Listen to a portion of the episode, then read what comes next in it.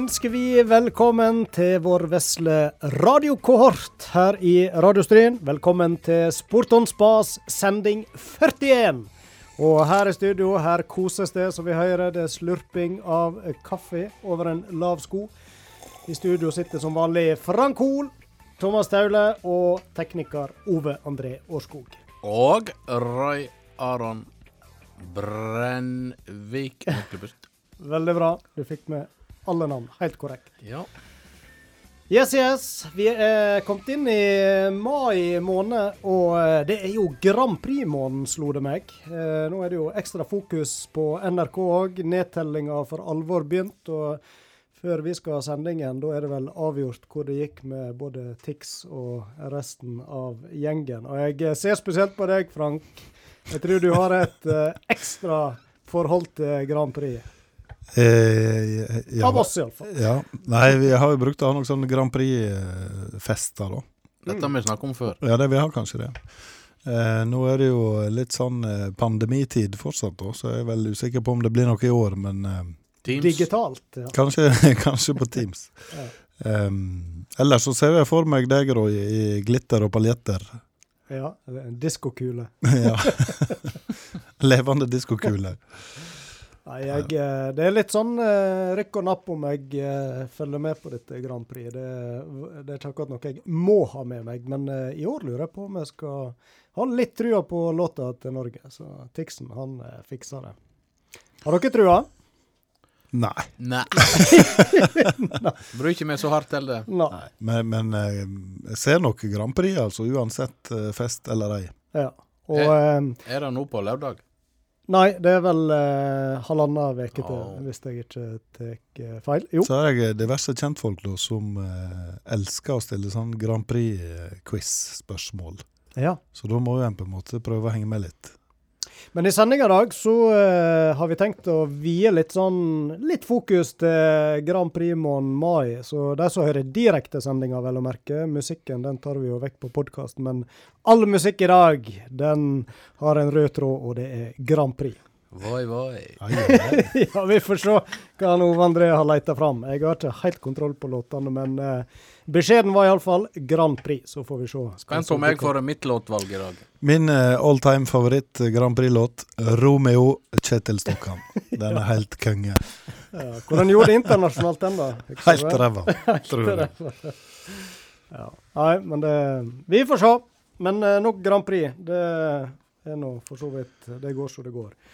Eh, vi snakket jo litt sist om eh, Ja, ganske mye, faktisk, i sist program om eh, denne her en superligaen. Eh, det var jo lite begeistring for den blant dere som Mm. for så mange andre. Og nå har det jo vært litt mer sånne protester ute. Regner med dere har fått med Manchester Ja. Ja, vi satt jo på søndag, både jeg og Frank, og Ja. på kamp mellom United og Liverpool, men det ble jo ikke noe av, da.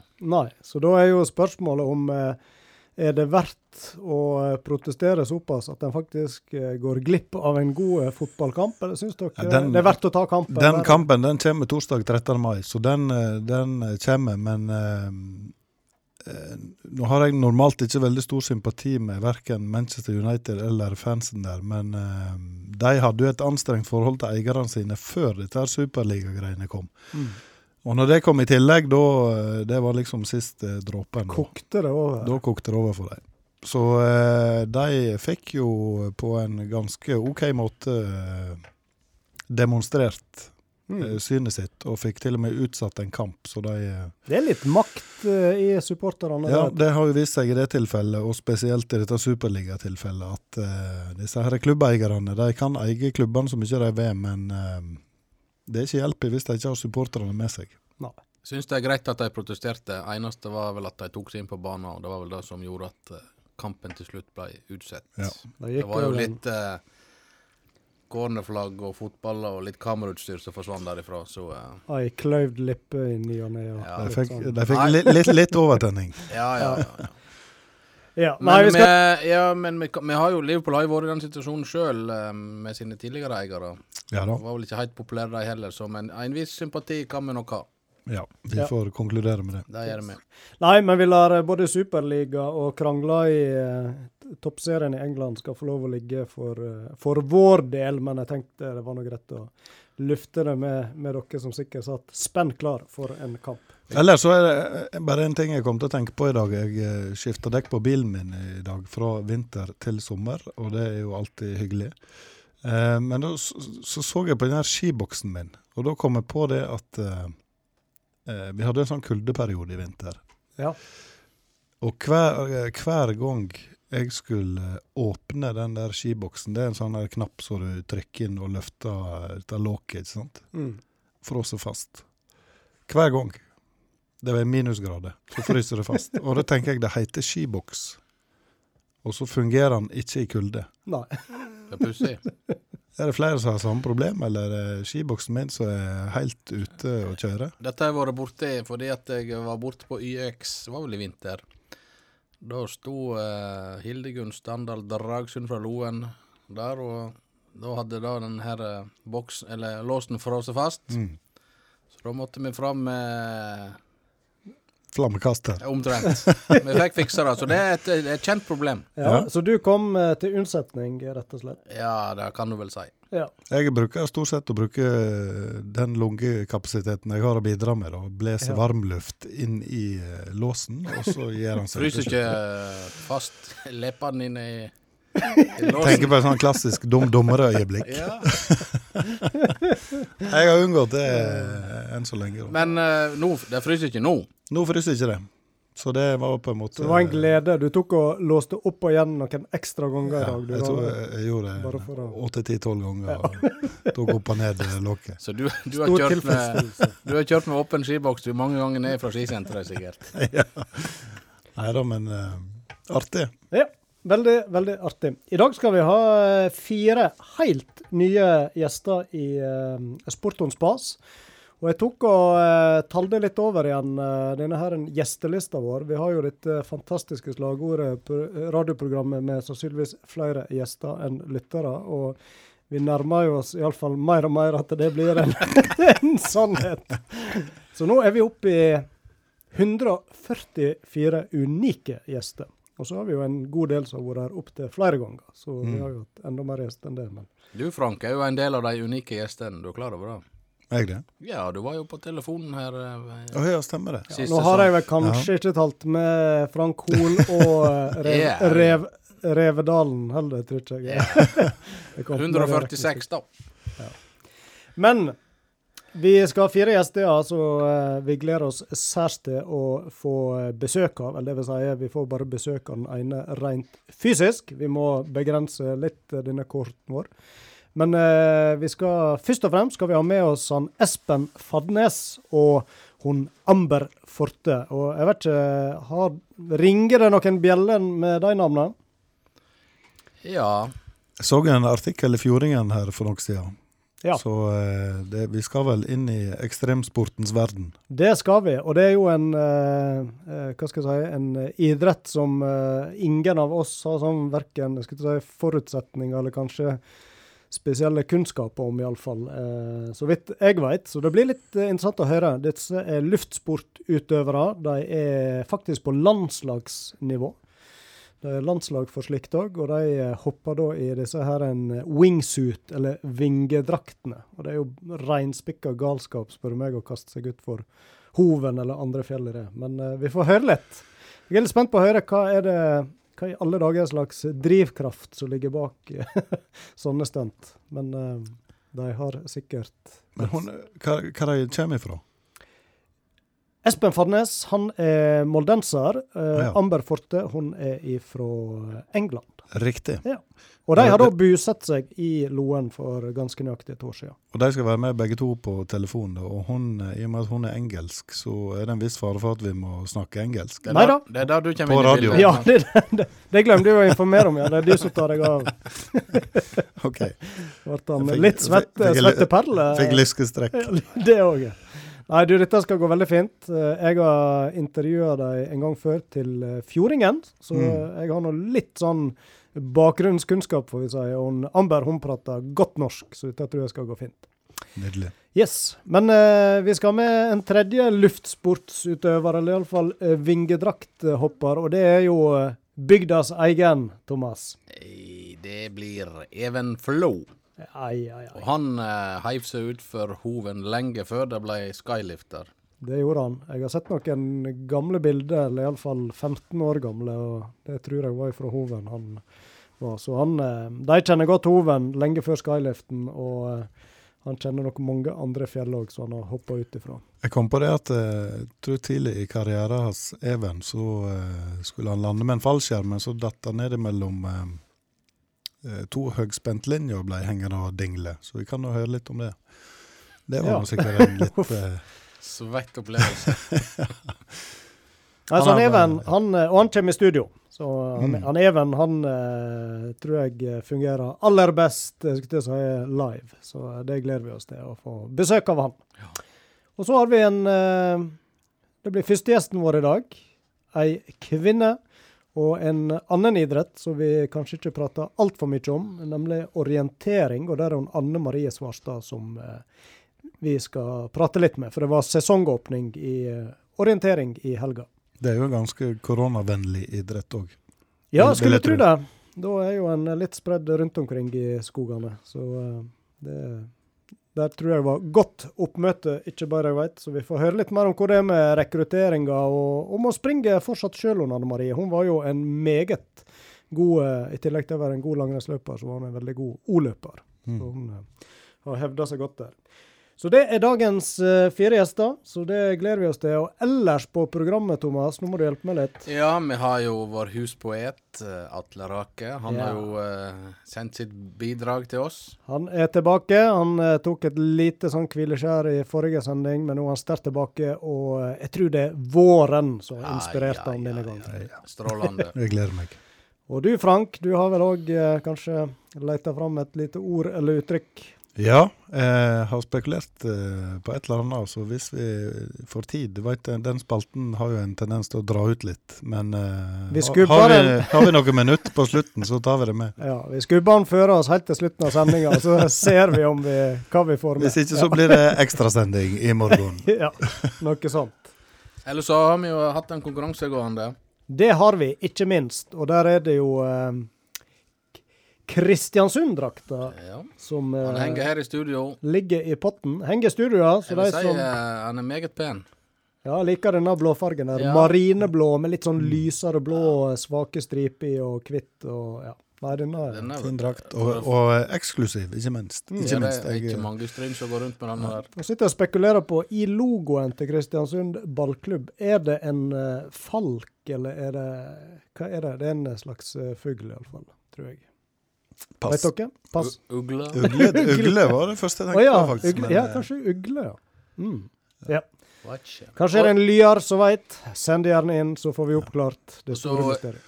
Kristiansund var jo så uh, elskverdig å sende oss en vimpel òg, så den skal vi ta og Den beholder vi vel uh, sjøle i studio, eller hadde du tenkt å lodde ut den? Ja, jeg hadde tenkt å sende den av gårde med Oi. drakta, men hvis du vil ha den i studio, så Ja, ja. Denne, vi slenger den med. Men da tror jeg, eh, karer, hvis ikke dere brenner inne med noe veldig viktig nå Jeg kan jo bare nevne det at eh, fotballen er jo, har jo dør, døra på gløtt litt eh, nå. eh, Ja, vi skal snakke litt om det òg i lokalsporten. Ja, Flott. jeg. Da venter vi til det. ja, Spar kruttet, Frank. Ivrige.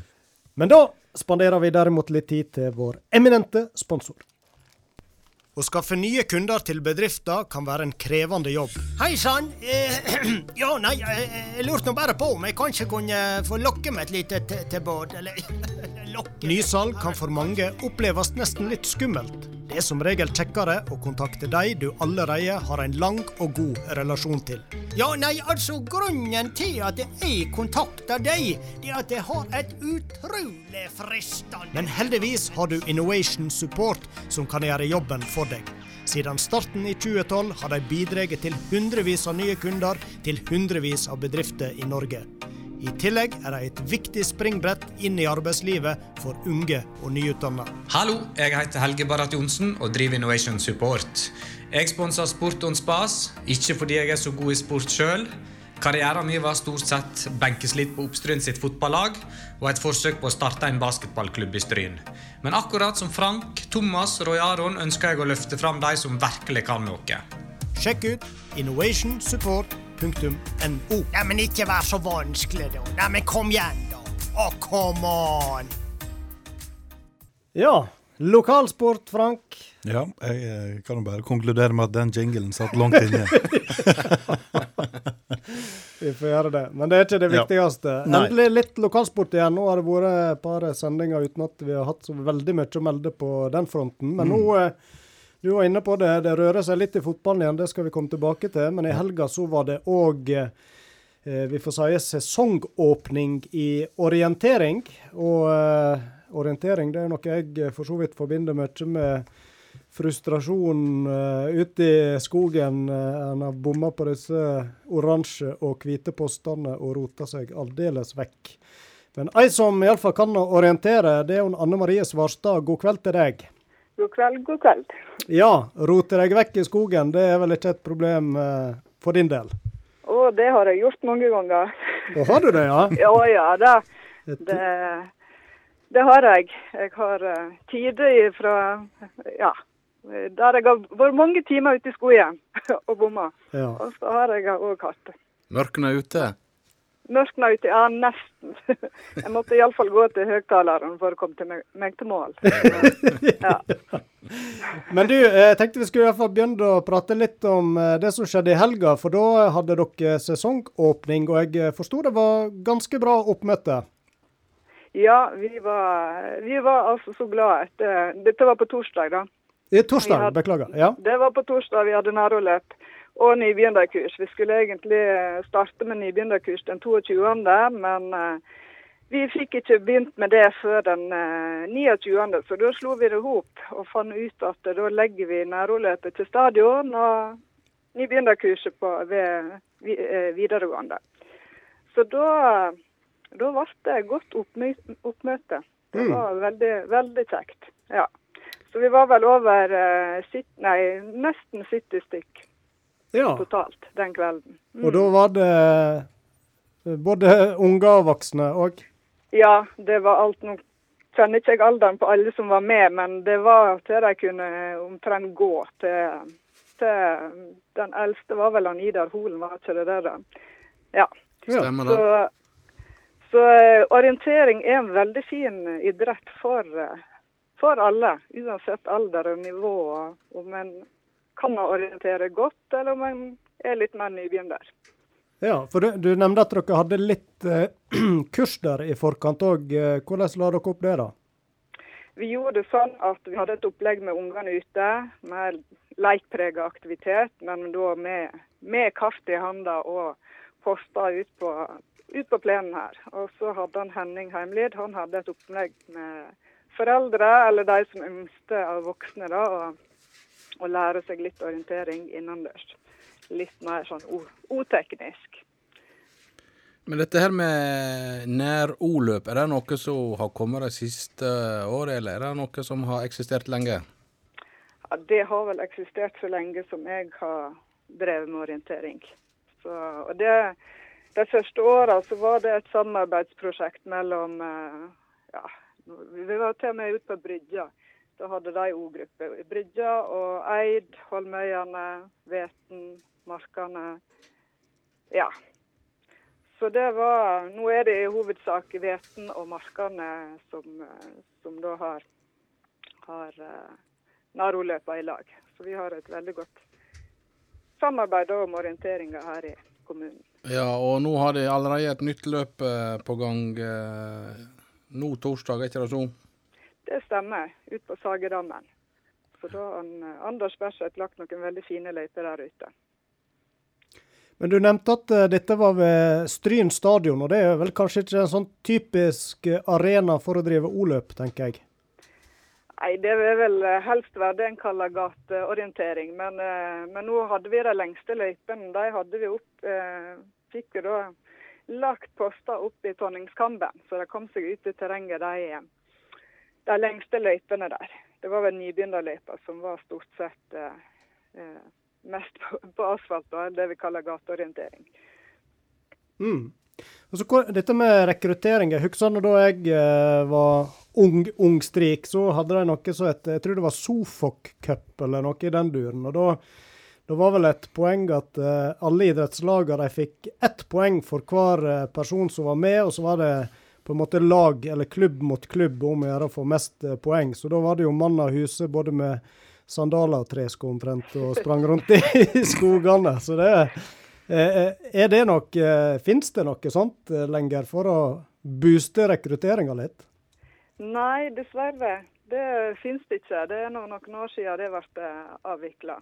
Men eh, da var det veldig mange. Jeg husker både Markan og Veten. Vi hadde vel sikkert over 50, 50 løpere med, kan det stemme? Ja, jeg mener vi fylte opp en buss en gang og reiste av gårde til om det var Sunnfjord eller hvor det var, det vet jeg. Men eh, har noen vage minner fra at da var det alt som kunne krype og gå omtrent, som stilte opp for å sanke poeng for klubben. Så det var jo var det en fin måte å få litt uh, hva skal jeg si, klubbtilhørsel og ja.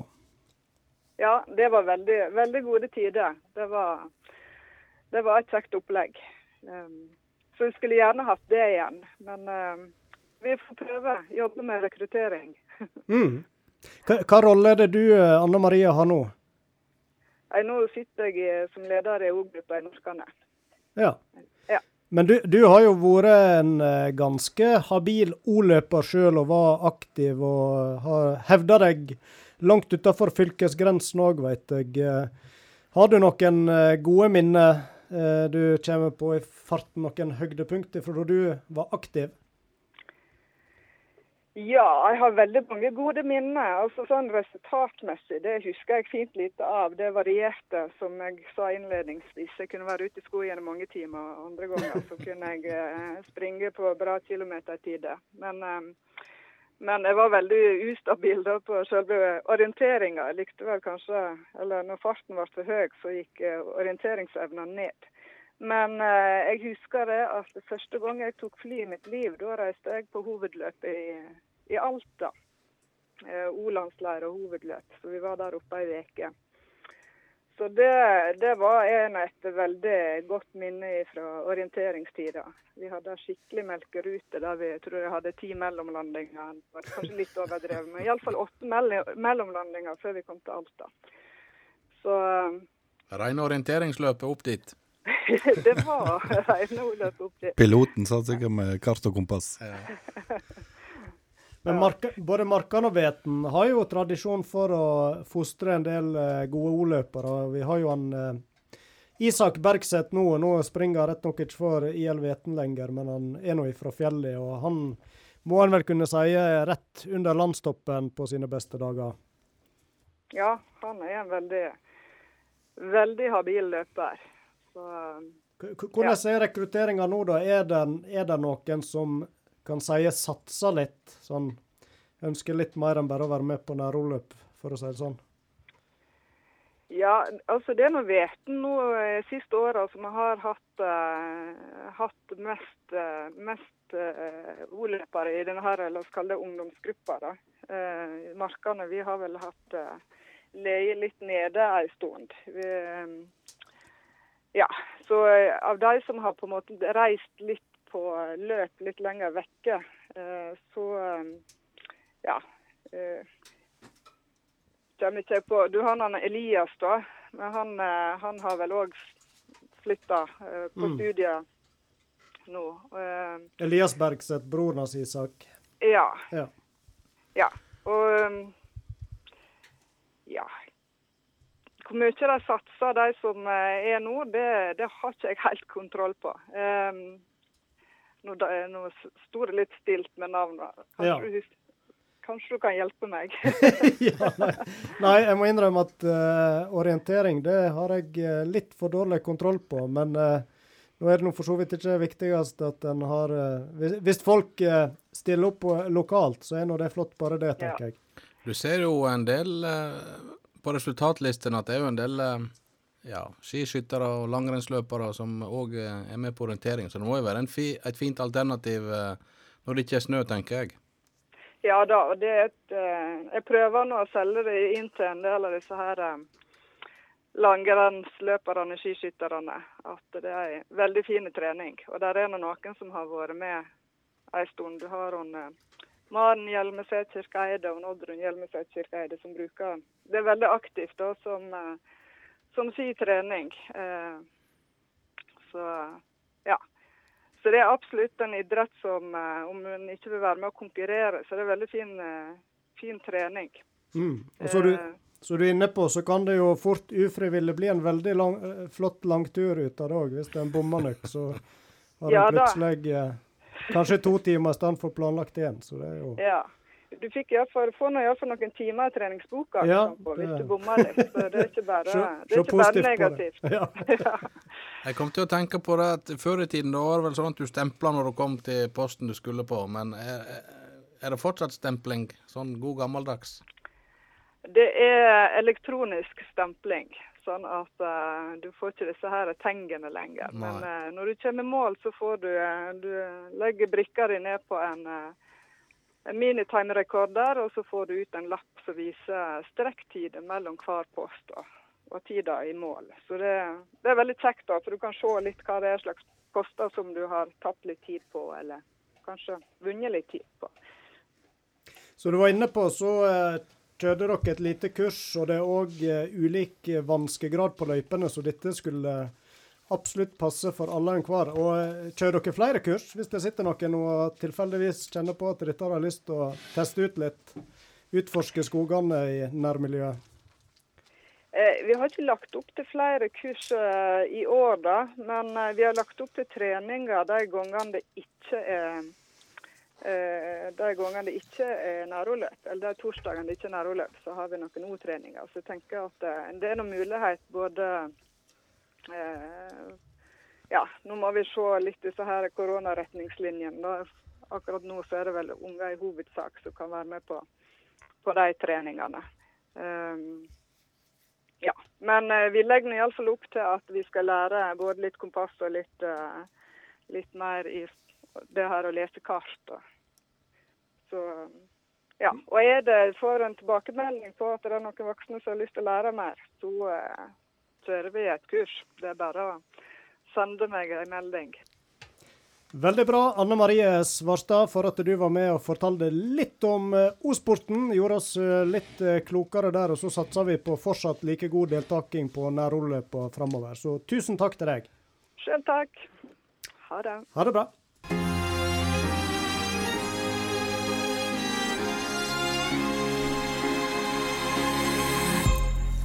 Find myself longing for attention. Da er vi eh, klare for å bli litt bedre kjent med en idrett som eh, vi må jo innrømme at eh, vi her i studio kan veldig lite om. Og vi kan vel òg si at vi tre, Frank og Thomas, har vel kanskje ikke de største forutsetningene for å drive med dette heller. For nå skal vi snakke om luftsport og vingedraktflyging. Og da eh, er vi så heldige at vi har med oss eh, faktisk noen av de som er best på dette, både i Norge og kanskje i verden òg. Vi ønsker iallfall eh, god kveld til Espen Fadnes og Amber Forte. God dag. Takk for at vi får være med. Her eh, er vi inne fra Voss, faktisk, der vi er på trening. Ja, dere tok rett og slett og reiste på eh, treningsopphold der nede, så derfor blir dette på telefon. Men det høres ut som lyden er god, og vi får nå høre først hvordan eh, går det med treninga der nede. Det gikk veldig bra. I dag har vært første dag på trening. Eh, vi var litt nervøse og begynner med hopping igjen. Eh, vi har ikke hoppet siden desember. Eh, men det har vært en kjempefin første dag. Og eh, ja, det er kjempebra. Vi har lært mye av det. Det Så- er veldig positivt. Ja, Så dere kan kjenne på litt nervøsitet, dere òg? Ja, det er jo litt spesielt nå, for pga. korona så har vi ikke hatt muligheten til å dra til litt mer sånn sørlige strøk og trene på vinteren. Så det har blitt mest ski i Stryn. Og eh, så jeg tror det er lenge siden sist vi hadde fem måneder uten hopping. Og da ble vi Jeg, jeg var faktisk skikkelig nervøs i dag. ja, så, men det gikk bra, skjønner vi. Og da eh, Ja, vi er nå i live ennå. Ja, hører. Så det er godt å høre. Og Du sier Voss, ja. Da eh, mener jeg å ha hørt at det var vel nettopp på Voss dere to møttes òg i sin tid? Det stemmer. Det var eh, i 2016 på våren, og Amber hadde akkurat flytta hit fra Australia. Og eh, vi diskuterer. Vi er fremdeles veldig uenige når vi egentlig møttes, men jeg vet jo at jeg så henne først. Men jeg turte ikke å gå bort til henne. Så det var hun som kom bort til meg først. Så hun først på 1000 meters høgde. Ja, jeg tror han var litt full eh, det første gang vi møttes, så eh, han husker ikke helt riktig. Det var ja, 17. mai, da, og så hadde vi fått uh, tilsendt en flaske med heimbrent fra en kompis i Trondheim, så det sklei litt ut.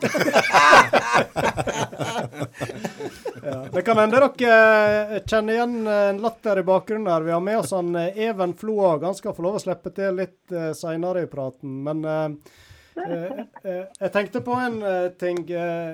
Du er jo fra Molde, Espen, og Amber er fra England. Og så har dere rett og slett busatt dere inn i Loen. Det, eh, det må jeg nesten kreve en liten forklaring på, tror jeg. Ja, vi eh, Det er litt vanskelig å forklare rett ut, men eh, vi Fire år siden så begynte vi å ha wingsuit-camp i Loen pga. skyliften. Og så på den tiden så hadde vi snakka om å, å kjøpe et hus sammen. Og så hadde vi snakka om Oslo og så Åndalsnes, og så da plutselig så var Loen en mulighet. Eh, og så Hver gang vi var i dette området, så begge bare, vi begge bare følte at eh, nei, det her føles ganske hjemme. egentlig, Som, som en plass som vi kunne ha følt oss veldig hjemme.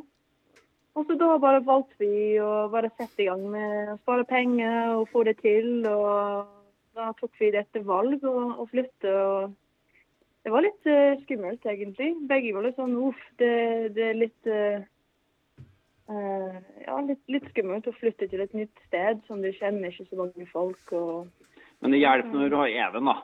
Det er sant. Ja. Icebreaker. Even fikser ganske mye.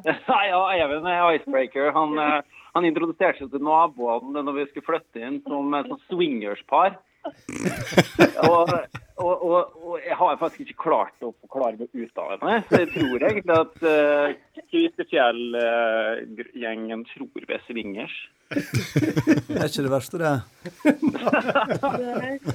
Hadde de- hadde de visst dere drev med eh, vingedraktflyging, så kanskje det hadde vært enda verre.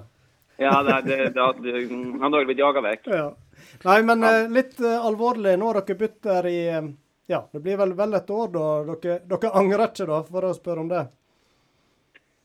Nei, det det er helt fantastisk å bo der. Det er, altså, det er den fineste naturen vi har i hele Norge. Og ikke bare er den fineste, men også kanskje på noen måter den minst utforska. Altså, ja, det er voldsomt utforska forhold til jakt og fiske og en del sånn historisk sett. Men når det gjelder sånn f.eks. basehopping som vi driver med, da, hopp fra fjell, eller det å kanskje utforske nye skilinjer og sånn, så jeg føler jeg at vi nesten så får en sånn følelse av å være pionerer i Norges vakreste plass. Og det er Nei, det, det er rett og slett det tøffeste stedet som finnes i Norge. Og du, du Espen, du hadde god kjennskap til området fra før. For uh, lenge før skyliften var kommet, så uh, var vel du flere år du hadde vært på Hoven og sommerskisenter og andre plasser. Å, ja, ja. Jeg, jeg, var, jeg var faktisk på Stryn sommerskisenter som ung eh, liten tass som kjørte alpint allerede fra ja, midten på 90-tallet. Og var med i hele den storhetstida når folk dundra ned i eh, speedo og gettoblaster. og eh, det, det var bare, altså Stryn fremsto som sånn det kuleste stedet på jord, og, og det har de egentlig fortsatt å gjøre. Og så Senere så møtte jo Even, og han har vært som primus motor for basehopping i bygda. Og har jo hoppa masse fra marsjehinna og, og Greidungshyrna og, og Hoven og lenge før gondolen kom. Og har egentlig, for jeg, jeg, var veldig sånn betatt av bygda allerede fra tidlig 2000-tall og vurderte å kjøpe tomt oppe ved Neven oppe på Vinsrygg allerede på midten av 2000-tallet. Men eh, jeg har aldri hatt så mye penger, da, så det har liksom bare blitt med praten. Jeg er god på det med praten, egentlig litt sånn som Even. Og da nå er god med det med praten. Så, men, men nå, fikk vi, nå, hadde jeg en dame da, som er litt mer handlingskraftig, så da kom vi oss bort dit til slutt. Men eh, nå eh, har vi snakka litt om eh, Du sier dere driver med basehopp, men eh, kanskje vi først som sist skal forklare litt i disse ulike disiplinene. Vi, vi utenforstående vi har lett å sause i hop dette, både hva som er luftsport og basehopp og ondt så weiter. Kanskje du kan gi en sånn kjapp innføring, et, eh, et lite kurs i For dummies. Ja, for dummies, får vi kalle det. Ja, skal, fordømme. skal du ta den? Jeg vil ha med. jeg skal ta den med. Eh, når du hopper fra, eh, fra fly eller helikopter eller kalles det, flygende objekt, da er det det vi kaller fallskjermhopping. Og Det er jo kjent både militært og sivilt. Det er på en måte eh, det- den er veldig klassisk og historisk, og det har jo foregått helt siden første verdenskrig. Og så, De siste 40 åra, med, med litt mer kompetanse og kunnskap, og sånn, så begynte folk å bruke fallskjermutstyr fra faste objekt. Altså fra, fra bygninger og, og fjell og broer og slik. og Det kalles basehopping. Og BASE det er engelsk og, og står for building, antenna, span og earth. Og Det skal da romme alle potensielle faste objekter det går an å hoppe fra. da. Og så Når vi snakker om basehopping, så snakker vi da om å hoppe fra faste objekt. Men sånn som for meg og, og Even og Ember, så hopper vi egentlig mest fra fjell. Fordi fjellhopping er lovlig, men i øyeblikket du ja, klatre opp i en antenne eller opp i et høyt bygg i Oslo, så, så bryter jo lova.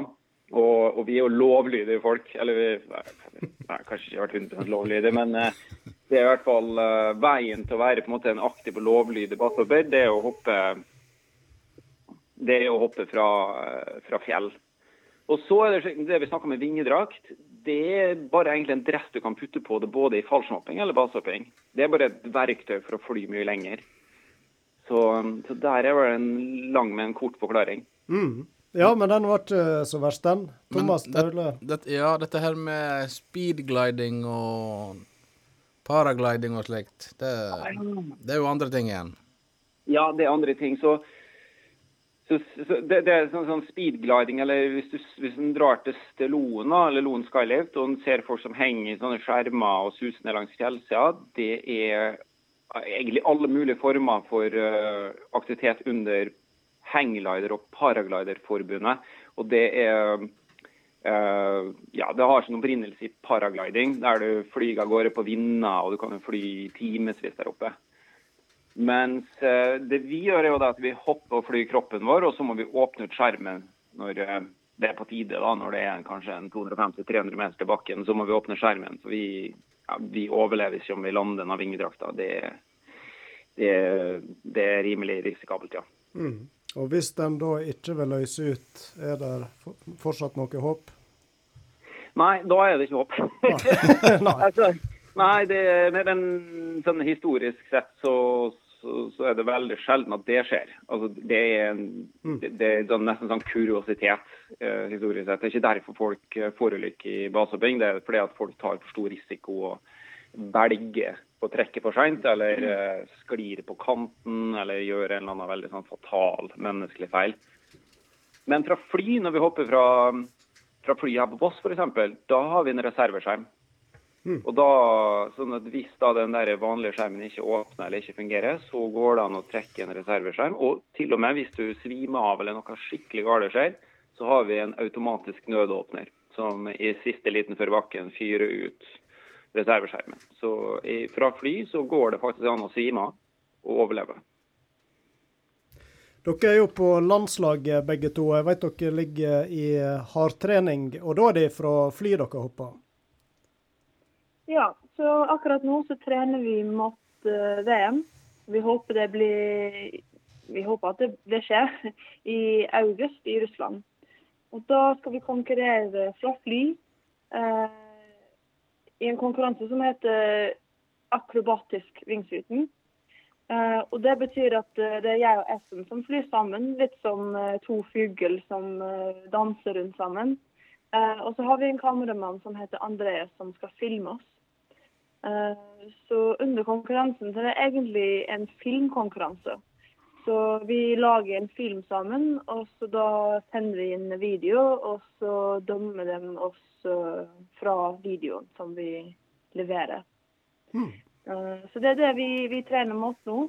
Og vi skal egentlig være på Voss uh, mesteparten av sommer og, og trene mot det. Det er skikkelig gøy. Nå er det full gass. Så det- må legge til at eh, han Andreas kameramann han er også i vingedrakt. Mm. Så, så han hopper med kamera på hjelmen sin på hodet. Så vi er jo tre, tre folk i vingedrakt som, eh, som hopper ut av flyet og skal vise fram da, hvor, eh, hvor gode vi er. Og så er det dommere som dømmer oss på stil og vanskelighetsgrad og kameraarbeid. Og det er en stor idrett. I, I VM nå i Russland så regner jeg med at det er over 1000 deltakere fra jeg tror det er 70-80 land som er med. Dette er jo VM, som du sa, Espen, men eh, er luftsport noe som kan komme på det olympiske programmet? Er det snakk om det? Ja, det er et godt spørsmål. Det ser litt dårlig ut fordi det krever fly, altså motorisert fly for å drifte aktiviteter. Og det sitter veldig langt inne hos den olympiske komiteen. Det som ligger inne som en, så, til vurdering som prøvegren, det er tunnelflyging. altså Kanskje noen vet om den vindtunnelen på Voss. Voss vind er en sånn vertikal tunnel det går an å fly innendørs. Og Den er oppe til vurdering som prøvegren. Det er en stor gren internasjonalt. Men jeg tror ikke at fallsmapping kommer til å komme inn i OL, og det er rett og slett pga. Um, jeg, vet- jeg vet ikke helt sikkert, men jeg tror det er et eller annet med motorsport. altså Det er et eller annet med i det øyeblikket man må involvere en motor. Espen og Amber, eh, vi skal prate mye mer med dere. Og da skal vi åpne mikrofonen til Even eh, Flo òg. Men eh, vi spanderer på oss litt musikk, og så får dere forhåpentligvis har dere kaffe i koppen, dere òg. Og så snakkes vi igjen om noen få minutter. Thoughts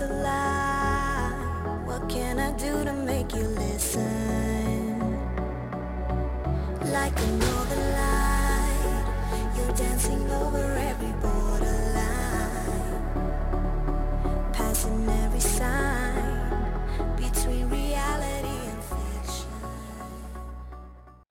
Yes, da har vi eh, fått med oss en eh, gjest i studio her når vi fortsetter praten med Amber og eh, Espen, som eh, er med oss på telefon fra Voss. Og vi skal fortsatt eh, prate om uh, vingedraktflyging. God kveld til deg, Even.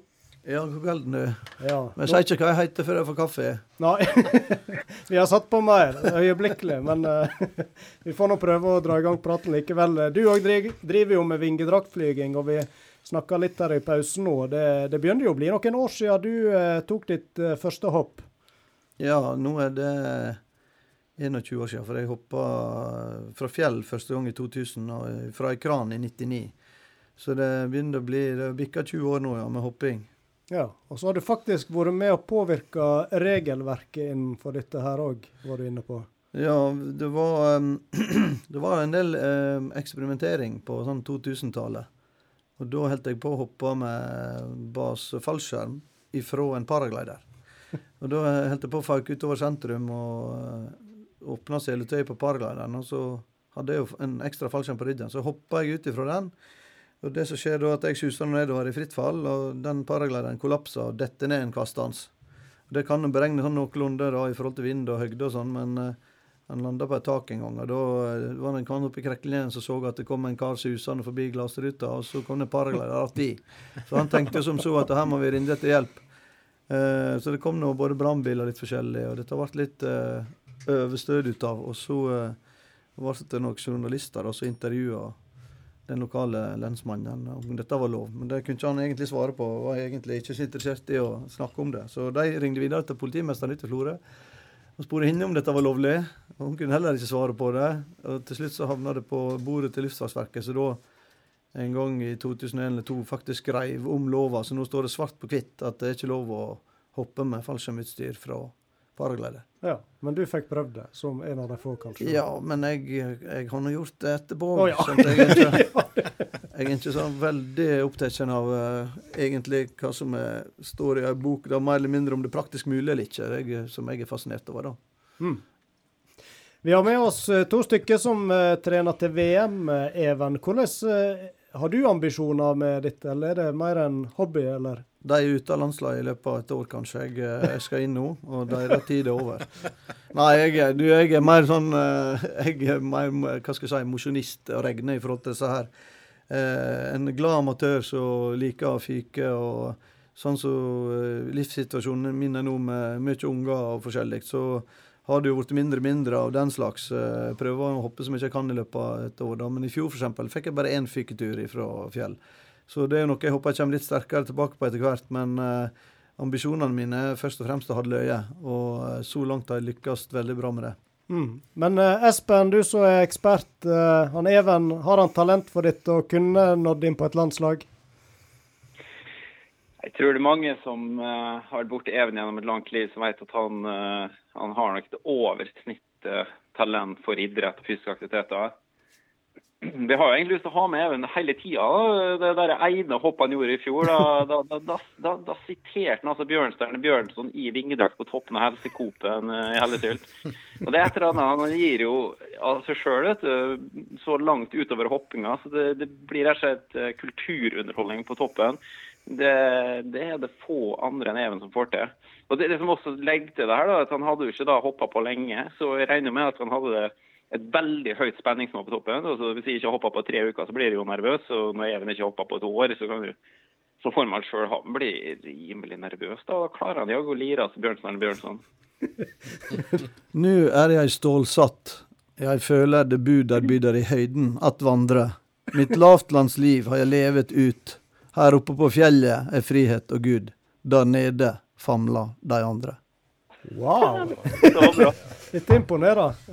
Er det når du er nervøs eh, disse sitatene kommer, eller er det, er det, leser du mye? Ja, det kan kanskje være noe sånn egenterapi i det, der du får fokuset vekk ifra at du står med tærne utfor ei fjellside som er 1200 meter høye. Ja. Men du, eh, Even, det var du som introduserte han Espen for uh, Hoven. Kan du huske første møte dere? Ja, jeg uh, mener Vi sikkert møttes på Voss noen få ganger, men jeg husker spesielt godt eh, på noe som heter Beverbugi på Lesja. Da var det en del trefninger der oppe. Det var vel eh, Jeg tror det var rundt 2000. 2000 kanskje. Ja, Beverbugi. Altså, de har en sånn uh, høstarrangement der oppe. og Der uh, er det jo eh, en tradisjon å gå ut i eh, elva og bade i iskaldt vann. Og derav navnet Beverbuggy. Uh, de vet å finne på litt sånne artige ting. Så ja, jeg har kjent Espen eh, siden slutten av 90-tallet, og spesielt godt eh, treff hadde vi da på nær Beverbuggen. Så det har nå blitt eh, 21 år, det òg, ja. Så vi har nå balla på sånn stort sett halve livet, og vi har jo ganske mye felles eh, og. Har, eh, har på en måte funnet hverandre i fjellet, og fjellaktivitet. Ja. Hva du tenker om de faktisk har valgt å flytte hit og fått dem i bygda, nesten? Ja, det er bare en fantastisk eh, bonus. De er noen ressurser for eh, alle de som er rundt seg, og eh, gjør mye av seg sjøl. Så at det skulle ende opp med, med de her, er veldig kjekt. Og i tillegg han Thomas Hestad, så er òg en romstøling som flytter til Stryn. Og det er noe, er stas for en nordfjording å oppleve at disse her eh, disse her eh, ledende romstølingene faktisk da flytta til Stryn. Det må jo være et kjempenederlag for Romsdalen i det store hele dette her. Så vi må nesten ikke snakke for høyt om det, for eh, det er jo ikke bra for de der oppe heller, da. Nei, sant? Trollveggen og Ja, ikke sant? Da har vi en fjellhistorie så langt forbi Stryn. Men eh, det som er at vi har mye forskjellig her, helt jeg på å si. Det er noe så han Espen var inne på, det er mange ting som fjellfyking og hopping, men det er skiterreng òg, og det er jakt og det er fiske. Det har nå mye av det Åndalsnes òg, for all del. Det er mye likt, egentlig, på mange måter. Men for de som er fjellinteresserte, så er det nå ei leikegrind av dimensjoner begge plasser, så vi er velsigna. mm. Du har vel fordelen med å ha en viss skylift eh, der inne òg, som gjør at de får eh, veldig mange hopp hvis de vil. Ja, det er klart det. Det er jo det som har snudd litt eh, ting på hodet både for Espen og Ember og, og Thomas òg, at vi fikk jo denne her eh, heisen. Så det gjør at du kan få et treningsgrunnlag du ikke kan sammenligne med noen plass annet enn f.eks. Chamonix og, og sånn. Men nå har vi et sånt anlegg her på hjemmebane, og da kan du utvikle deg voldsomt på, eh, på luftsport generelt. Så det var nå òg en viktig faktor, sikkert, når eh, de da valgte Stryn til slutt, at en fikk det flotte anlegget en har i på Hoven. Mm. Ja, du Espen, du har jo kalt uh, Hoven og Loen Skylift for uh, treningssenteret ditt. Så uh, det, det er egentlig en grei beskrivelse. Ja, det det er jo litt som uh, toppturentusiasten som bruker skianlegget for å få kompetanse til å kjøre ned, og så går du på toppturer og, og blir bedre. Altså, det er på en måte vårt skianlegg på sett og vis. Det, det gir jo naturopplevelse, og det gir eh, utrolig mye moro i det å hoppe. Men samtidig er det en sånn plass der, da, der vi har muligheten til å få litt mer kvantitet. da, fordi Når det gjelder basehopping, altså fjellhopping, så det å, det å gå opp på f.eks. Marsjahinna i Flo, det er jo to, to og en halv time med, med tur, og så hopp. Og det er jo en fin tur, og det, er- det, er en flott opplevelse. Men hvis målet er å bli veldig flink, så trenger vi å hoppe mer. Og der er Loen Skylight helt unik. Altså, vi har ingenting lignende i Nord-Europa. Og det har gitt eh, oss i det norske hoppmiljøet en, en gave uten like. Altså, det, det, vi satt jo med bakoversveis når det skjedde. Helt utrolig. Og vi kan jo si det at eh, hadde det ikke vært for Loen Skylight, så hadde vi nok kanskje havna i Romsdalen, ja. Så, så den, den var, mye, var viktig for oss, ja. Når du tenker på eh, når, når du hopper så mange ganger fra samme plassen, da. Er, er alle hopp like, eller er de forskjellige eh, fra hopp til hopp? Ja, det er vi nesten skal snakke om deliberate training, eller Ja, det er Som oss som trener, trener ganske repetitiv, eh, og vi trives eh, veldig godt med det. Eh, Vi elsker å sånn, gjøre ting mange, mange ganger og prøve å få ting perfekt. Og det med basehopping, som Espen sa, at når du går opp på et fjell, så tar det ganske mange timer. Og hvis du, hvis du har en god kondisjon og kan gå to ganger, så får du øve på det to ganger i en dag.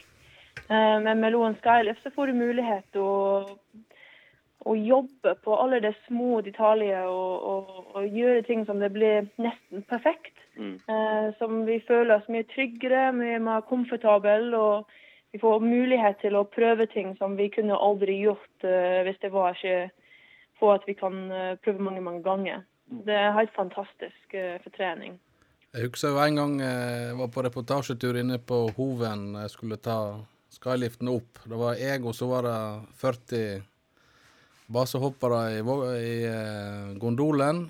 Og på vei ned igjen så var det kun jeg som tok gondol. Resten hoppa. Ja, nei, blir, altså Det anbefales å ta en snarvei ned, Ja. Så, så hvis du har motivasjon til å gå og reise gjennom litt fallskjermhopping, kanskje komme til Voss, og så kan du dra tilbake når du har kompetansen. Ja. Det er gøy, altså. Det, det er gøy å ta gondol opp og ned, men det er enda gøyere å hoppe vingsut ned. Men, men Espen, kanskje du skal si litt om det, for jeg regner med det er ikke bare å, å dra på seg ei vingedrakt og så eh, hive seg utfor et fjell. Det er liksom ikke det første du gjør. Hvordan er gangen i dette her? Ja, det er, en ganske lang reise. fordi eh, For det første må du begynne å ta et uh, fallskjermkurs fra fly. og Det tar du på et større hoppfelt i Norge. Og eh, Det tar nå ei drøy uke å komme gjennom det kurset, men så begynner en lang reise for å, for å bli flink.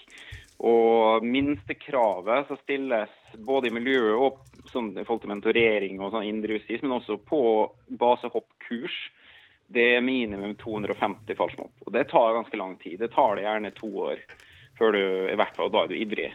Og så begynner du med det, men, men så begynner jo den reisa mot å kunne hoppe med vingedrakt. fordi at uh, Loen Skylift er en vingedraktplass. Det er litt liten klipp, og du, du, det er mye bedre om du har en vingedrakt på. Er tryggere. Og, så de fleste trenger en tre år, tre år i sporten, veldig aktiv, for å klare å ta det steget der du, der du kan hoppe fra, fra Loen Skylift. Og det interessante med Loen Skylift er at eh, terskelen for å hoppe wingsuit den er naturlig veldig høy pga. at det er en så lang reise. Mens terskelen for å fly paraglider f.eks., den er mye lavere. Det er, det er et sted folk kan begynne veldig tidlig, bare etter et par måneder. Og det tror jeg, nå, nå er jeg litt sånn tøff i trynet, men jeg tror det er litt grunnen til at vi ikke har sett uh, stygge hendelser med vingedrakt fra Loen Skylift, men vi har hatt ganske mange stygge hendelser i uh, paragliding og speedflying. Mm. Even Flo, husker du eh, første hoppet du gjorde i vingedrakt? Ja, det gjør jeg veldig godt. Jeg var i, i, i USA da, eh, en gang eh, på slutten av 90-tallet. Og så, Jeg hadde jo selvfølgelig ikke nok hopp da jeg var ikke kvalifisert etter regelverket til å hoppe. Men jeg traff noen likesinnede der borte da, som mente at det var bare å drage på seg og gå bort til flyet. Så eh, jeg dro nå på meg vingedrakt jeg fikk låne, så gikk vi bort til flyet og, og susa opp i ca. 5000 meters høgde. Og så eh, tok jeg bare stupte ut gjennom døra og lette stå til. Eh, Vi hadde jo en sånn eh, kort gjennomgang ned på bakken og bare på trekk og nødprosedyrer, liksom. Men det pussige dette med å fyke vingedrakt, det er på en måte en, en ting du intuitivt kan dreime deg inn i, på en måte, og, og du kan se på andre, og du kan nesten tenke deg fram til hvordan du skal fyke, med, altså med hendene ut. og Det er en del logiske bevegelser når du fyker, som å senke skuldrene til der du skal svinge. Altså, det er nesten sånn at Hvis du ser der du skal svinge, så føler på en måte kroppen at de Den pussige greia Det er nesten så vi har et slags slektskap med disse her fuglene på et vis. Så kroppen vår er veldig egnet til å fyke med, selv om folk flest overbeviser seg selv til det motsatte. Det er nå bare å se på Espen og de som virkelig er gode, hva de kan få til. Så øhm, vi føk av gårde og på Jeg hadde funnet ut at jeg skulle eksperimentere litt og prøve dette her ut litt. Jeg tenkte at jeg fikk ikke så mange sjanser på det der før jeg ble oppdaga og de avskilta meg nede i USA. Men jeg tok uh, fauk ved siden av noen erfarne karer og tok noen framlengse salto, husker og tok en roll til høyre og en roll til venstre.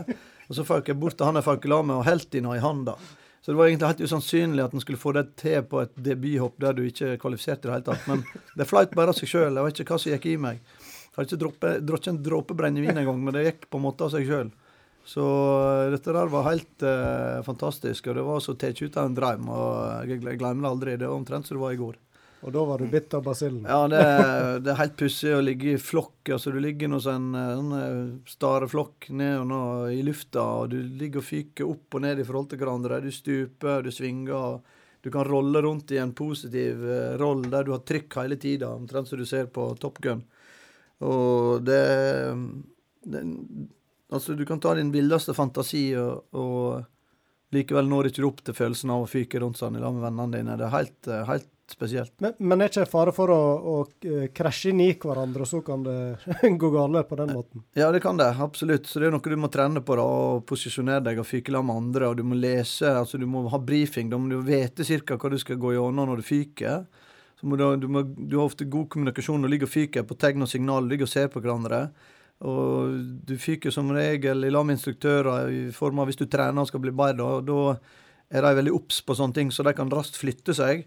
Så det, det går Det er faktisk veldig sjelden at det er noe særlig krasjing. Og eh, en er litt restriktiv, for det er så mye energi i drakta, så det er veldig fort å smelle i hop i veldig høy fart. Selv om du fyker sidelengs samme retning, så kan du fyke mot hverandre og smelle i veldig høy hastighet. Så det er egentlig et eh, stort farepotensial i seg sjøl, men det er utrolig lite uhell med sånne ting. Så det går faktisk veldig bra. Ja. Espen, da, husker du første hoppet ditt? Ja, jeg husker det veldig livlig godt. Jeg, var veldig utålmodig. Det var tilbake i 2001. og Jeg hadde, jeg hadde en 130-40 fallskjermhopp. Og i Norge på den tida så måtte du ha 500 fallskjermhopp for å få lov til å hoppe med vingedrakt.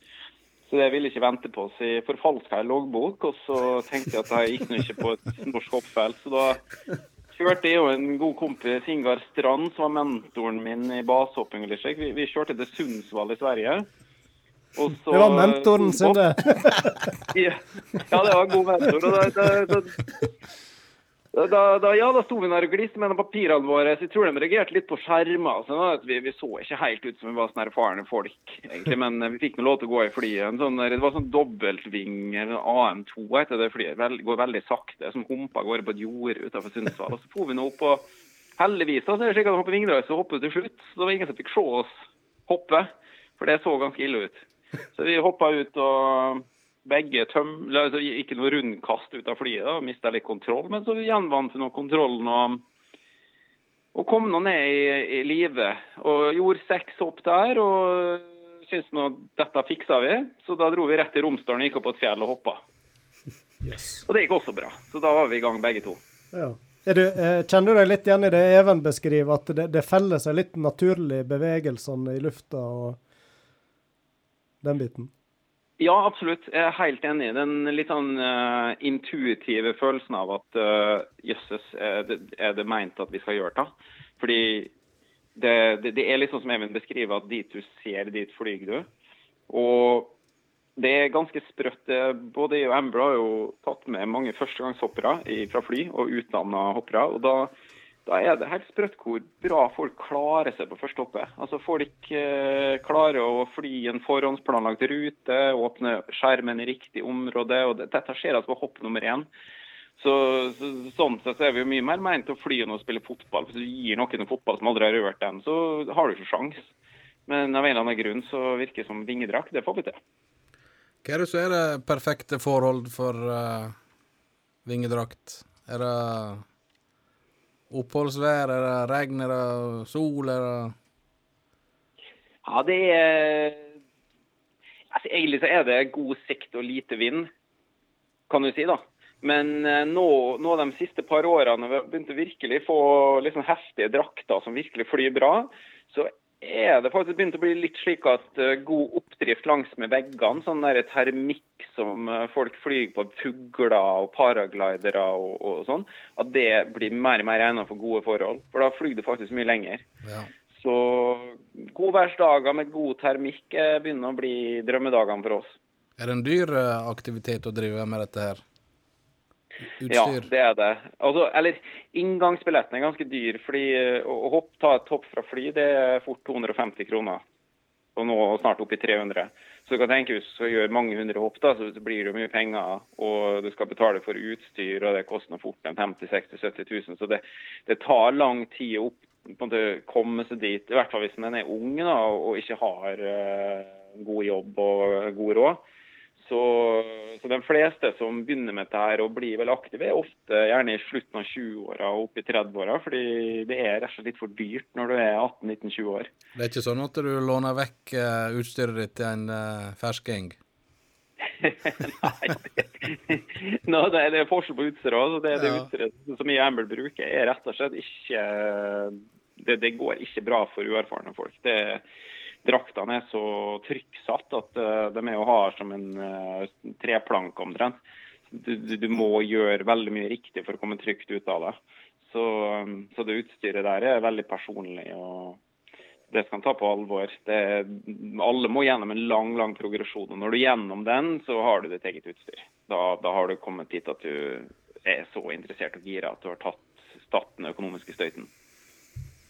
Du har nå dette med luftsport og hoven. Det har jo skjedd på ganske kort tid eh, etter at skyliften kom. Så er det blitt et populært eh, ja, kall det treningssenter for eh, dere. Men jeg vet du er veldig opptatt av at dette må forvaltes på en best mulig måte. Kan du si litt om det, Espen? Ja, det, det, her, det her er noe som sitter i bakhodet, eller ganske så langt framme i panna, egentlig, på både meg og Amber og Even og Thomas, de som bor der. Og det er det at vi må ta vare på den gava vi har fått. Og det betyr at vi må oppnå Altså vi, vi, må, vi må få til å bli godt og tett kobla til lokalsamfunnet. At folk føler at de, de, de forstår hva vi driver med, og hvorfor. og og, og ser det her, og ikke bare ser på oss som noen komplette gærninger. Og så er det å eh, tenke føre var i forhold til ulykker og skader. Og, og kanskje da ikke minst det med skade på tredjeperson. Altså hvis noen skulle virkelig dummes ut da, og, og havne på veien eller i en hage eller et hus eller eh, i svømmebasseng eller Altså, det er en del veldig ille scenarioer som vi virkelig vil unngå.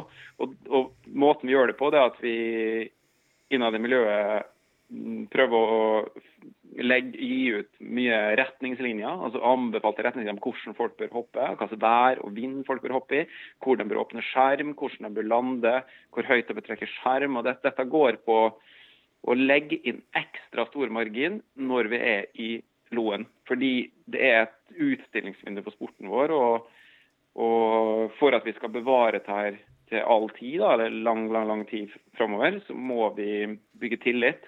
Og vise oss den tilliten verdig ved at vi får lov til å være her. Du Even, så eh, er født og oppvokst i Stryn og, og bor her. Eh, Hva inntrykk har du av eh, Hvordan opplever folk dette med det som har skjedd på Hoven? Er det forståelse? Folk begynner å skjønne litt greia, eller?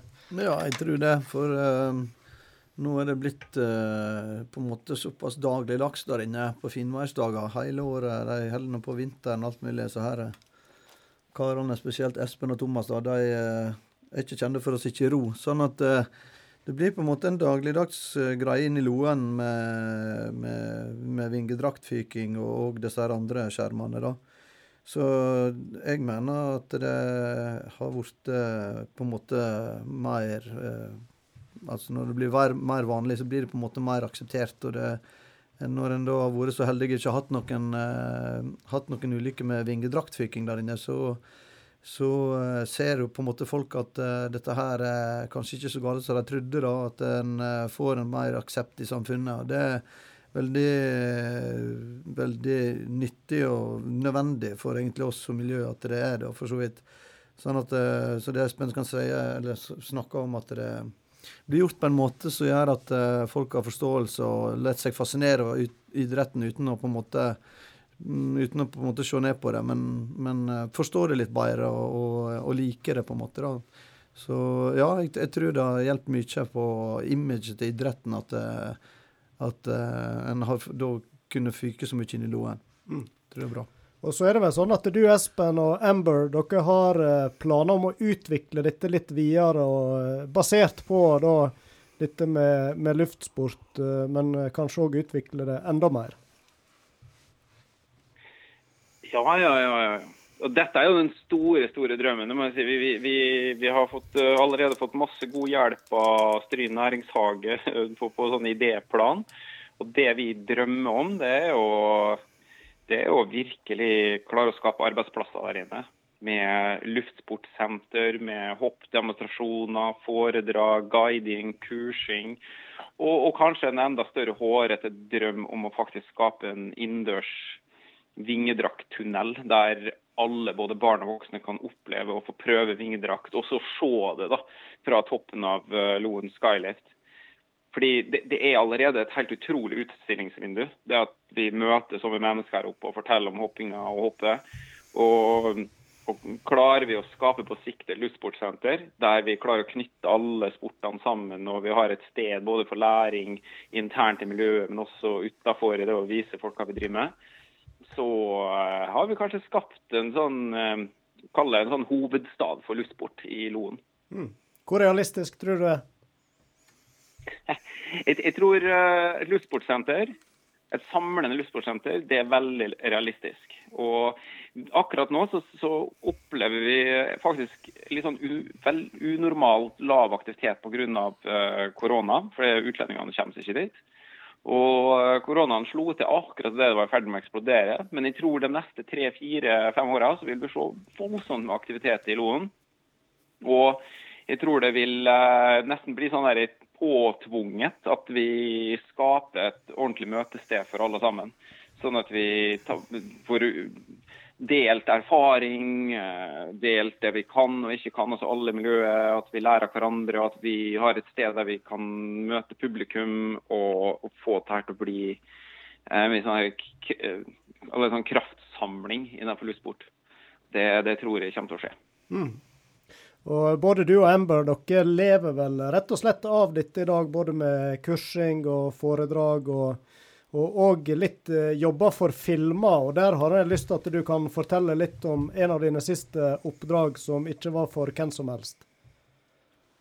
Ja, nå, nå lente Emmer seg fra. på jeg var- tror jeg var i ferd med å fortelle om at hun holdt foredrag på eh, Hardanger folkehøgskole i går. Men, eh, ja, det skal han få lov å fortelle om òg. ja, ja, ja. Nei, jeg har veldig lyst til å svare på mange spørsmål, men jeg, Ja, norsken min er litt begrenset, så jeg føler at Espen kan egentlig svare eh, litt, eh, eller ganske mye bedre. Så jeg lener litt på han her. Nei, men altså, ja. Altså, At du snakker sånn norsk etter fire år, det mener jeg er helt rått. da. Dette fungerer veldig bra, så jeg tror ikke hun skal være redd for uh, norsken. Den er meget, meget pluss. Ja. Men da tenker du sikkert på Mission Impossible, du? da? Ja, det det det var liksom der jeg uh, I det sporet, ja. Beklager, jeg ble klikker klikkeren jeg rapa mitt i ansiktet. Det var skikkelig dårlig stemning i. Jeg ble så ivrig. Eh, ja, du eh, de- de- Dessverre så er jeg under en veldig streng kontrakt, så jeg kan jo ikke, kan jo ikke gi sånne hemmelige detaljer om hva folk kan vente seg på Mission Impossible 7. Som, eh, kommer, som er dessverre utsatt pga. korona, men den, den kommer i neste år. Men eh, jeg var hyra inn til å være støttepersonell, altså inni det stunt-teamet rundt Tom Cruise. Og fikk jo Ja, altså I starten var jo selvsagt eh, Jeg vet ikke hva det ordet på det heter. her, Starstruck. Stjer Stjerneskåten. Gjerneskåte, ja. ja jeg, var, jeg var rett og slett skutt litt i bakken i starten. Eh, Han, han, er jo, han er jo en stjerne. Altså, herregud, jeg, det finnes jo knapt større stjerne. Og så øh, fikk jeg roa meg litt ned og fant rolla mi i teamet. Og, og skjønte etter ei stund at her var det ingen som skulle gjøre stunt utenom Tom Cruise. Alle andre var der for å ha et profesjonelt apparat rundt den, slik at han skulle gjøre alt sjøl. Uh, og, og det gjorde han, og det gjorde han til gangs. Og jeg tror nok det meste av folk uh, Hvis folk har lest ute i media om at han dundra av gårde utfor og alt mulig slags stunt, så, så stemmer nok alt. det, han er en råtass. Og uh, det var en eh, helt utrolig opplevelse å være en del av et team på 400 personer med 12-13 helikopter og, og alle mulige sånne kjempestjerner og, og sånne regissører og hele apparatet. Og, og fordi jeg var en del av det stuntteamet, så var jeg det lille teamet var veldig mye nærkontakt med Tom Cruise.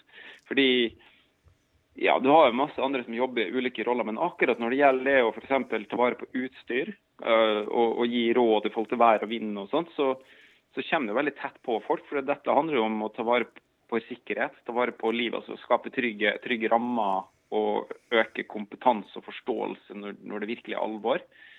Og det føltes utrolig kult å, å ha, ha masse erfaring fra basehopping og fallskjermhopping som faktisk funka. Det å være med og bidra til at uh, det gikk bra.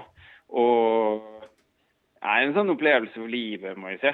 Jeg håper jeg skal få oppleve noe sånt igjen. Men det, det er jo ikke mange sånne stjerner som gjør stunt, sånn som Tom Cruise. Jeg, tror nok omtrent han er den eneste i verden som gjør det. Det, det, det er jo helt galskap at en person i den rolla der skal drive på ta den risikoen alene.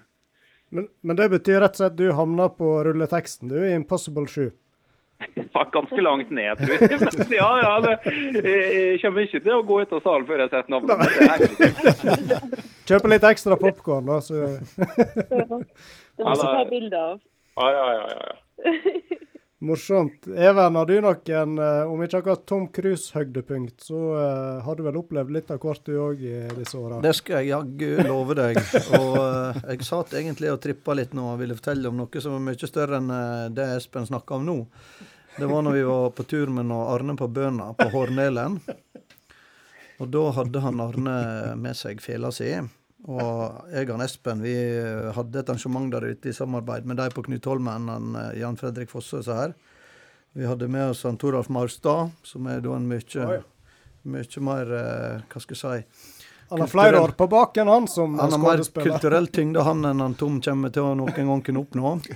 Og ikke minst når Arne da på Bøna, så både spellemannsprisvinner og andre typer ting. Så vi for nå vasa på Hornelen da han eh, Toralf skulle kommentere, og dette er vel, vet ikke, det er vel blitt snart to år siden. Men da var jeg og Espen der ute på et sånt oppdrag da, som handla om å på en måte vandre i fjellet på en slags idrettslig måte, men òg ta med seg kulturen og historien til fjellet. Alt ifra sagna om fanden som hadde dans der med heksene, og de skulle til Bloksberg, ikke sant, og videre. Det er vel sagn om Susfjell. Og så har vi gammel rute som ble klatra opp der av Bing, så hadde vi en klatrer, da, en Løken, som klatra opp der. Rett opp Einar framsida. Ja. Ja. Han klatra rett opp framsida, og vi for og vasa rundt omkring på stien der i lag med Arne. Det var hekser rundt oss, og han, Arne han spilte så her gode, gamle sangene som faktisk lagde om og for Hornelen. Så jeg tror ene som ble laga, erfaren av Toralv Marstad, han, eh, han var jo òg god på fele. Alfred, ja. ja. Og, og dette gikk vi altså gjennom en slags historisk vandring eh, der oppe, og det var helt fantastisk. Og eh, da å være i nærheten av en Arne med fela sånn høyt til fjells, det er noe du aldri glemmer. Og- Siterte du en forfatter da, eller? Nei, det tror jeg jeg følte meg eh, bare ærbødig for å få vandre rundt med felespilleren og disse her eh, folka oppe i fjellet der. Det var løye, det var løye på en, eh, og fascinerende på en helt annen måte, kan du si. Og Espen han har jo reist verden rundt og vært med på mye action, men jeg tror eh, denne turen i fjellet med eh, Arne Sølberg òg står ganske høyt på lista hans. Så uh, dette her er jo eh, egentlig, når jeg framhever, som mitt høydepunkt i livet, egentlig, da. Ja. Uh, selvfølgelig, bortsett fra uh, da jeg møtte vår Henriette. Ja. og, og de tre ungene vi har fått. Ja, ja, ja. Men ja, var det et høydepunkt for deg òg, dette her han forteller om? Ja, det var det absolutt. Og det, det, det, det som står igjen eh, som de store minnene fra den opplevelsen, det er når Sølvberg spilte på halvveien. Eh, Det var ved et vann på halvveis vei opp til Hornelen. Og da, midt i spillinga, så begynte eh, Da dukka det opp flere hekser på motsatsen av vannet. Så begynte å sende av gårde hekseskudd, og det tok jo helt av. De hylte og skreik, og det frysninger på ryggen. Og så, eh, da vi kom til toppen, så møtte vi på seg heksa. Jeg, jeg, var- jeg, altså jeg skjønner jo at det ikke var heksa, men eh, det, det var ganske så skumle saker da. Skikkelig sånn der eh, skumle, sexy, mørke damer. Det var skikkelig skumle greier. Og, og når Sølberg begynte å spille på toppen, så tok jo heksene helt av igjen. Og dette er altså på toppen av Hornell, ute på kanten. Oi. Og det, det, det var en helt sånn ut av meg sjøl-opplevelse. Hele den seansen der. Jeg tenkte det, er, det her er så sprøtt. Det er så rødt. Ja, ja, ja. Der kom den. Oi! Hvem var det? Teknikeren er på jobb. Men det, da, må du, da må du nesten fortelle om hun som kopp deg, Espen. Ja, det var jo uh... Du setter deg ned med disse heksene veit du, og skulle ta noen billetter. Og du, du, Ja, hadde, du hadde jo litt sånn mareritt når du var liten. Du må ta denne historien. Den er veldig bra, tykker jeg. da. Nei, de, jeg, eh, jeg, jeg, jeg sleit litt med skrekk for eh, hekser og sånt. Og hadde mye mareritt som barn, faktisk. Og, Var det Ronja Røverdatter? Var ikke det var ikke det de heksene eller hvert du var redd, eller hva det var? Ja, ja, ja. Ja, og og- ja, Ronny Røverdatter, der, der er det jo eh, en fryktelig ubehagelige fugler som får å skrike på en helt grusom måte. og Det hadde jeg mar mareritt om, da, og det, bygdes opp til et sånt problem før jeg vokste litt av det. Da. Nu skal blodet ja. Og så videre. da- Jeg Og skjønner så jo. på toppen der, så viser det seg at heksa var jo hun eh, Altså hun kaller seg Solfure på Instagram. Hun er en sånn artig dame som durer rundt i nærmere og rundt Nordfjord og står på hendene og stuper til vann og gjør alt mulig rart. Og hun, hun var jo ikke særlig solfure der oppe, hun var mer som en sånn creepy heks. Uh, og, og så klarte hun å lire av den historien fra barndommen, og da venta hun til rett øyeblikk, og så bare hogg hun tak i leggen min og bare skreik til som aldri før. Altså, alle barndomsminnene kom ut. av, jeg fikk jo helt uh, Nei, det var helt, det var helt grusomt. Og heldigvis da, så blåste det for mye til å hoppe, men jeg var faktisk ferdig med i ja, jeg tror det var gode 20-25 minutter etterpå. Og, eh, og hun fikk dårlig samvittighet, vet du, så ga meg jo De hadde med vin oppå her, så ga, når, når, etterpå så fikk jeg vina òg. På ned. Så det var tøffingen som kasta seg ut for fjell. Han eh, ble skremt av heksene. Ja. Ja, faktisk. Sånn kan det, ja, men altså, det vekte et eller annet sånn barndomsekkert i meg. Det. Ja, det er ikke tvil om at uh, vingedraktflyging og luftsport det kan uh, føre til mange artige opplevelser. Nå har vi prata i nesten en uh, time her. Helt til slutt, Espen og Amber. hvordan er opplegget nå, kort fortalt, fram mot VM? Hvordan legger dere løpet for å gjøre det best mulig der? Ja, vi skal egentlig være mest på Voss. Eh, og vi trener tre dager på og så én dag fri. Eh, og da hopper vi så mye vi kan eh, på treningsdagen.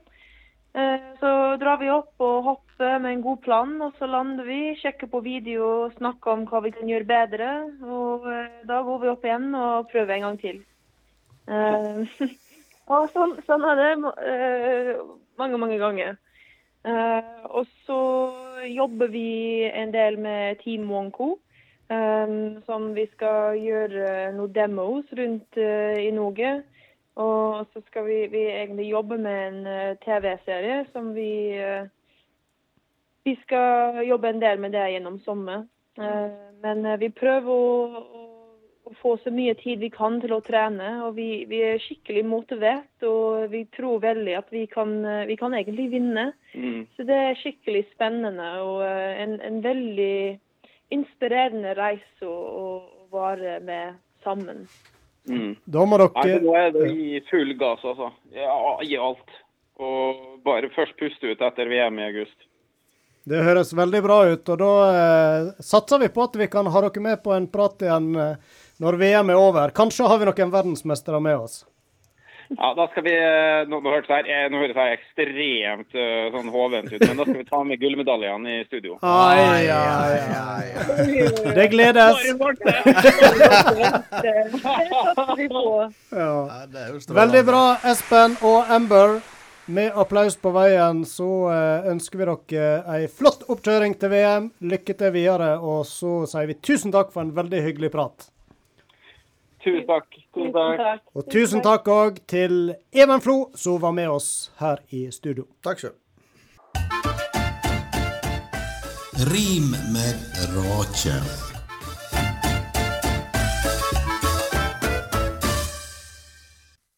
Vårslepp.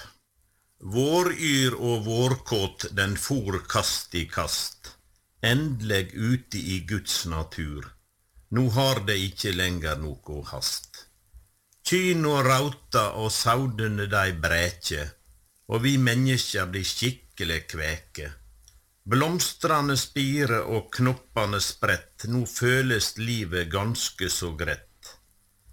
Det er dette vi ser fram til når vinteren blir altfor mørk og lang, og nyter hver ein fuglesang.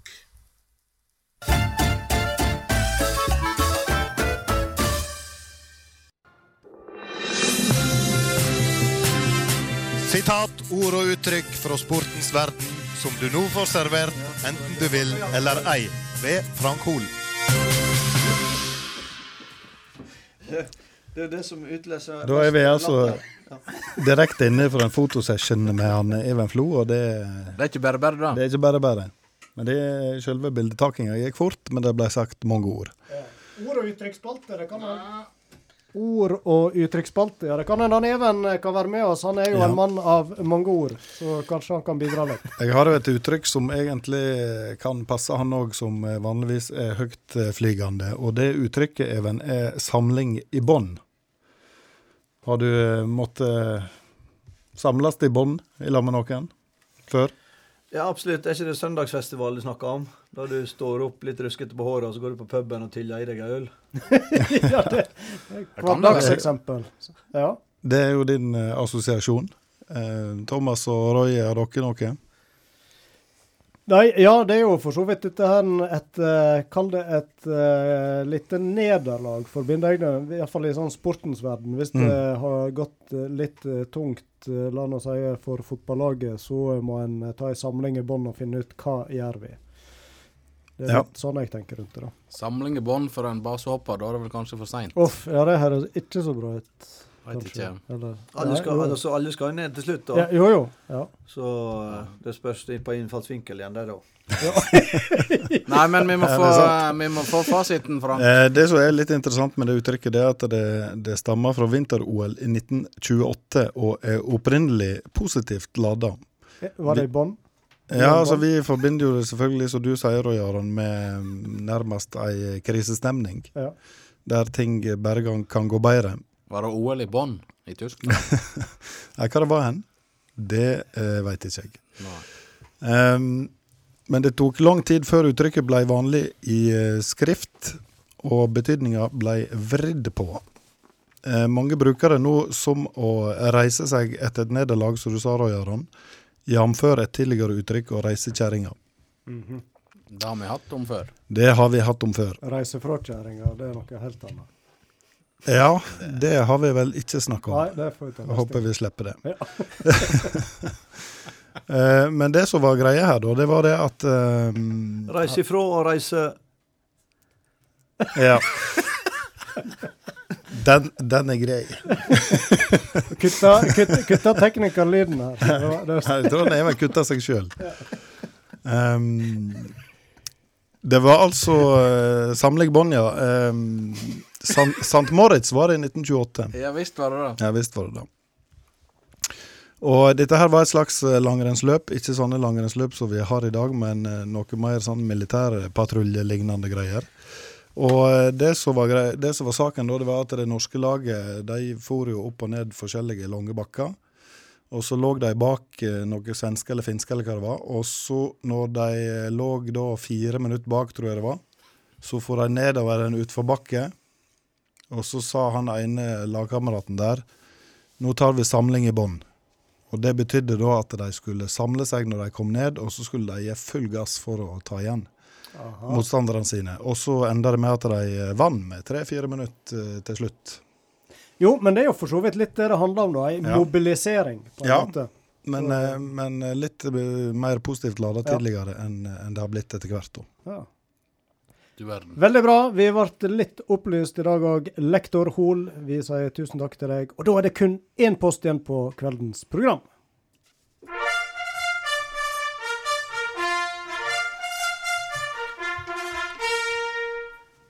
Ja, det er tid for konkurranse, og eh, jeg glemte et lite bel hva som var konkurransen, men eh, så kom jeg på en viss pottesveis.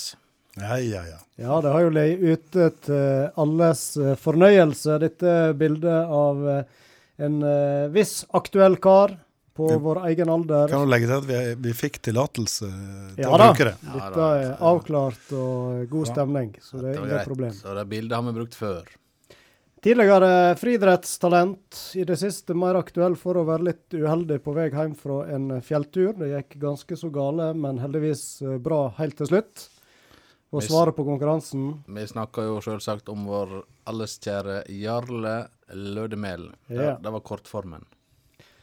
Og nå er han trygt hjemme i Stryn og ved godt mot. Ja da, han leter vel. Snakket med han så vidt på mandag, og det går framover. Det er bra. Men eh, Jarle Lødemel var svaret. Og siden vi har en Even her i studio, Roy, nå skulle jo egentlig du trekke, men kanskje han Even Ja, kan få det lov å er virkelig. Vil du trekke vinneren, Even? Ja, det skal vi prøve på. Ungene sover nå allikevel, så du kan være litt til. Det skal ikke du være altfor skråsikker på. Har du eh, trukket en vinner før? Uh, ja, jeg var på et hundeveddeløp en gang i Irland, og da jaggu tror ikke jeg vant. Vi har jo fått oss en ny eh, Ble du trukket ut som vinner, eller? Uh, dagens hund. Vær så god. Vi trekker fra en pokal fra Skarstrandssetra opp. Og mange som har sendt inn denne gangen òg, så vi er svært fornøyde. Og premien, Thomas Ja, premien det Det er jo denne her Kristiansund-drakta som henger her i studio. Han, eh, Frank har jo eh, gjort en formidabel innsats. Vi sitter jo med halve Eliteserien eh, på lager her nå. Og vi må jo rette en stor takk, da. Nå er det vel neppe noen fra Kristiansund ballklubb som hører på oss, men eh, veldig glad for eh, at de har gitt oss Ja, den premien. vi må sende en stor takk til dem, og eh, vi skal også komme tilbake og takke andre klubber når deres drakter, drakte kommer opp på bordet. Yes. Veldig, veldig kjekt at eh, viljen i Eliteserien er stor til å fylle på fylle i premieskapet vårt. Nå har han Even trukket for lenge siden, og nå må han få lov å komme med svaret, eller med vinneren. Nå kan Visnes fryde seg, for det var han Edvard Eikenes som vant.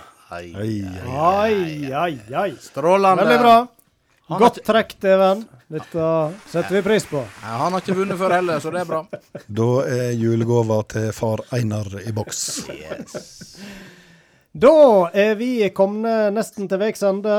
Vi har vel en ny konkurranse som ligger ute, og der er allerede begynt å komme svar inn, har jeg har registrert. allerede kommet flere svar. Hva ligger i premiepotten nå igjen?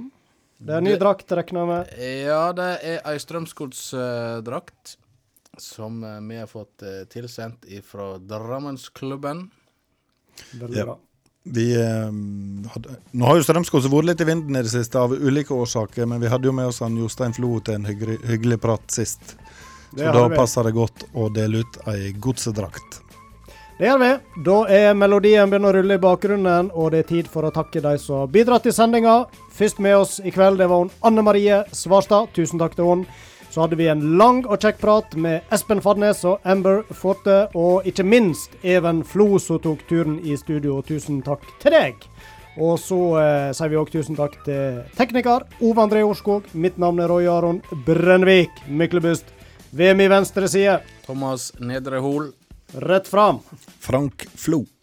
Ai, ai, ai. Da er vi tilbake om to uker. Ha det bra. Nei.